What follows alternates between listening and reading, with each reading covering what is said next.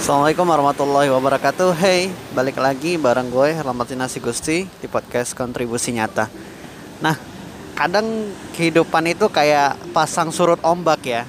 Di saat kehidupan kita lagi pasang Lagi jaya-jayanya Eh, ternyata setelah itu kita ngalami masa-masanya surut gitu Gak cuman kehidupan aja sih Tapi apa pun yang lo kerjain gitu eh, Bidang apa pun yang lo tekuni Itu pasti bakalan mengalami pasang surut. Misalkan contoh ketika di bidang wirausaha, ketika lo mulai usaha lo, pasti ada pasang surutnya. Ketika pasangnya itu ibarat di saat usaha lo berhasil berhasilnya nih, dapat keuntungan banyak. Dan di saat surutnya itu ketika usaha lo mundur gitu. Bahkan lo dapat kerugian. Di bidang studi juga sama. Ketika di bidang studi itu ketika pasangnya di saat nilai lo bagus, studi lo selesai gitu. Di saat surutnya ya di saat nilai lo bermasalah dan studi lo belum selesai barangkali. Nah, jadi apa pun yang lo kerjain sebenarnya akan ada pasang dan surut gitu.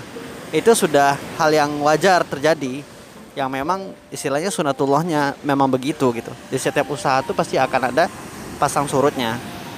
Nah, jika memang lo udah tahu itu akan terjadi, ya lo harus prepare dong.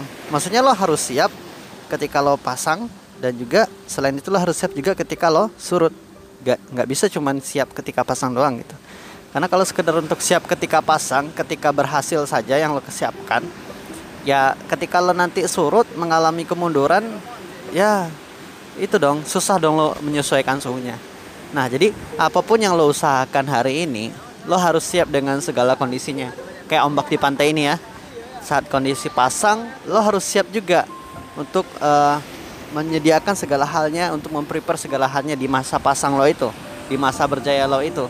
Jangan sampai cuman sia-sia aja nanti. Dan ketika lo surut juga, lo harus siap untuk bangkit gitu. Coba deh lo lihat ombak di pinggiran pantai ini. Dia setelah dia surut, dia pasang lagi gitu. Nah, gimana lo?